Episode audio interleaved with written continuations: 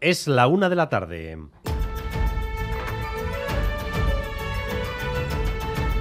Crónica de Euskadi con Dani Álvarez. A Rachaldeón suben los sueldos en el sector público vasco y sube también el salario mínimo interprofesional. El gobierno vasco actualiza el salario de los empleados públicos subiéndoles un 2,5%.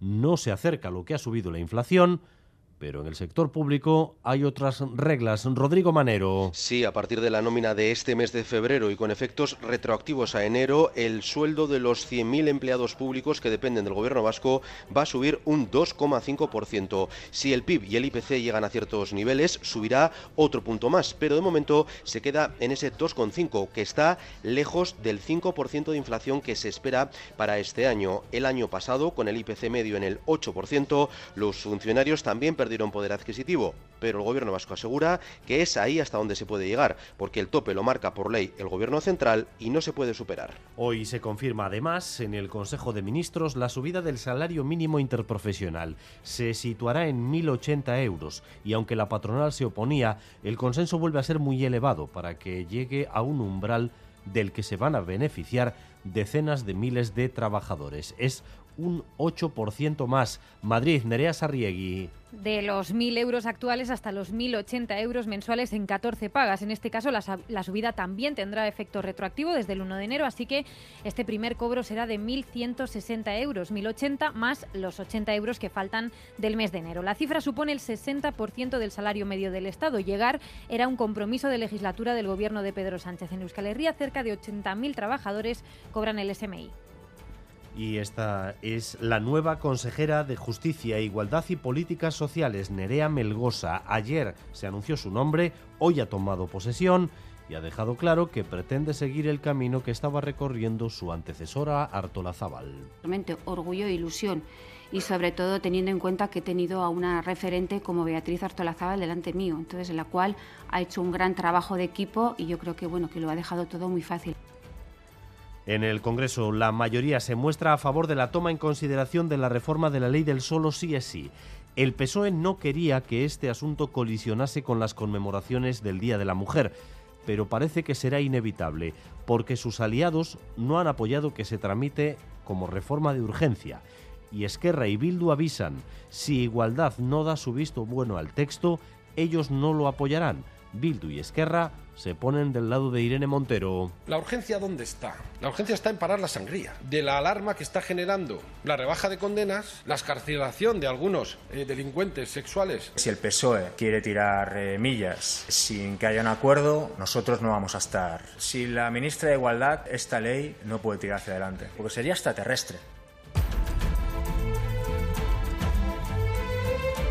Además, la presidenta de Navarra visita Alemania, visita la ciudad Volkswagen, Wolfsburgo, y allí le han garantizado que sí, que las inversiones del futuro para Landaven se van a acometer. Ollane Arangoa. La presidenta Chivitea amarra una inversión vital para garantizar el futuro de Volkswagen Navarra. La multinacional alemana confirma que invertirá 1.024 millones de euros en la planta de Landaven para la fabricación de coches eléctricos. Las inversiones comenzarán este mismo año y se construirá una nueva nave de montaje para almacenar y secuenciar baterías. El gobierno de Navarra declarará mañana esta inversión de interés foral para agilizar los trámites de permisos y ayudas. Landaven comenzará a producir vehículos eléctricos en serie en 2026 con una fabricación media de unos 300.000 coches al año y espera mantener el empleo actual, 5.000 puestos de trabajo directos. Euskalmet nos avisó de que después del frío seco con el viento sur podrían producirse incendios forestales y el primero se ha dado esta mañana en Guipúzcoa, en Oyarzun, en una zona de monte bajo y sin daños graves porque los bomberos han actuado con rapidez. Laida Basurto, Arracha León. Arracha León, una hectárea y media de ladera se ha quemado efectivamente en Oyarzun después de que un vehículo aparcado en el camino Pico Gárate ardiera hacia las 5 de la mañana y las llamas se propagaran rápidamente por el viento hacia la ladera del monte Marquelaimburu. Bomberos de tres parques y guardas de montes han actuado con rapidez y para las 9 y 20 el fuego ha quedado ya extinguido, aunque a esta hora un retén continúa vigilando la zona. Hoy y mañana, atención, estamos en aviso amarillo por riesgo de incendios. Esta tarde empiezan las jornadas de teatro de Eibar. A través del drama y del humor se abordarán un amplio abanico de temas como la memoria histórica, las temáticas sociales, las redes sociales o la maternidad.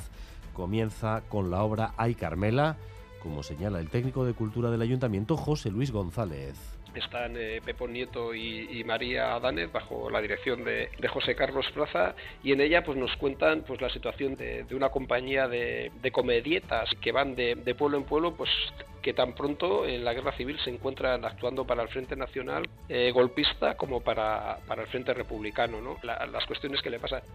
Y vamos también con lo más destacado del deporte, con Álvaro Fernández Cadierno. Arrachaldeón, Álvaro. Arrachaldeón con la victoria de noche de la Real 2 a 3 en, ante el Español y el enfado de Imanol por la relajación de los suyos con el 0 a 3, con Miquel Vesga, que ha hablado hoy en Lezama, y con dos citas de interés, la European League de balonmano y ese Vidasoeron Fuche Berlín hoy a las 9 menos cuarto por ETV4 y en baloncesto Jornada de atención a la prensa en Gasteiz a tres días para ese debut de Basconia en la Copa frente al Juventud. Lo decíamos antes, el viento sur sopla con intensidad, sobre todo en los puntos más expuestos. Recuerden que continuamos en aviso amarillo por riesgo de incendios forestales, sobre todo en Vizcaya y en Guipúzcoa ambiente seco y cielos con alternancia entre nubes y claros. 16 grados de temperatura en Donostia, 15 en Bilbao y en Bayona, 12 grados en Pamplona y 9 en Vitoria-Gasteiz. Y en el tráfico, precaución ahora mismo en Ribera Baja, AP1, sentido Vitoria-Gasteiz, un camión averiado ocupa parte de la carretera Ribera Baja, AP1, sentido Vitoria-Gasteiz. Gracias un día más por elegir Radio Euskadi y Radio Vitoria para informarse. Raúl González y José Ignacio Revuelta se encargan de la dirección técnica y Aichiber Bilbao de la coordinación. Crónica de Euskadi con Dani Álvarez.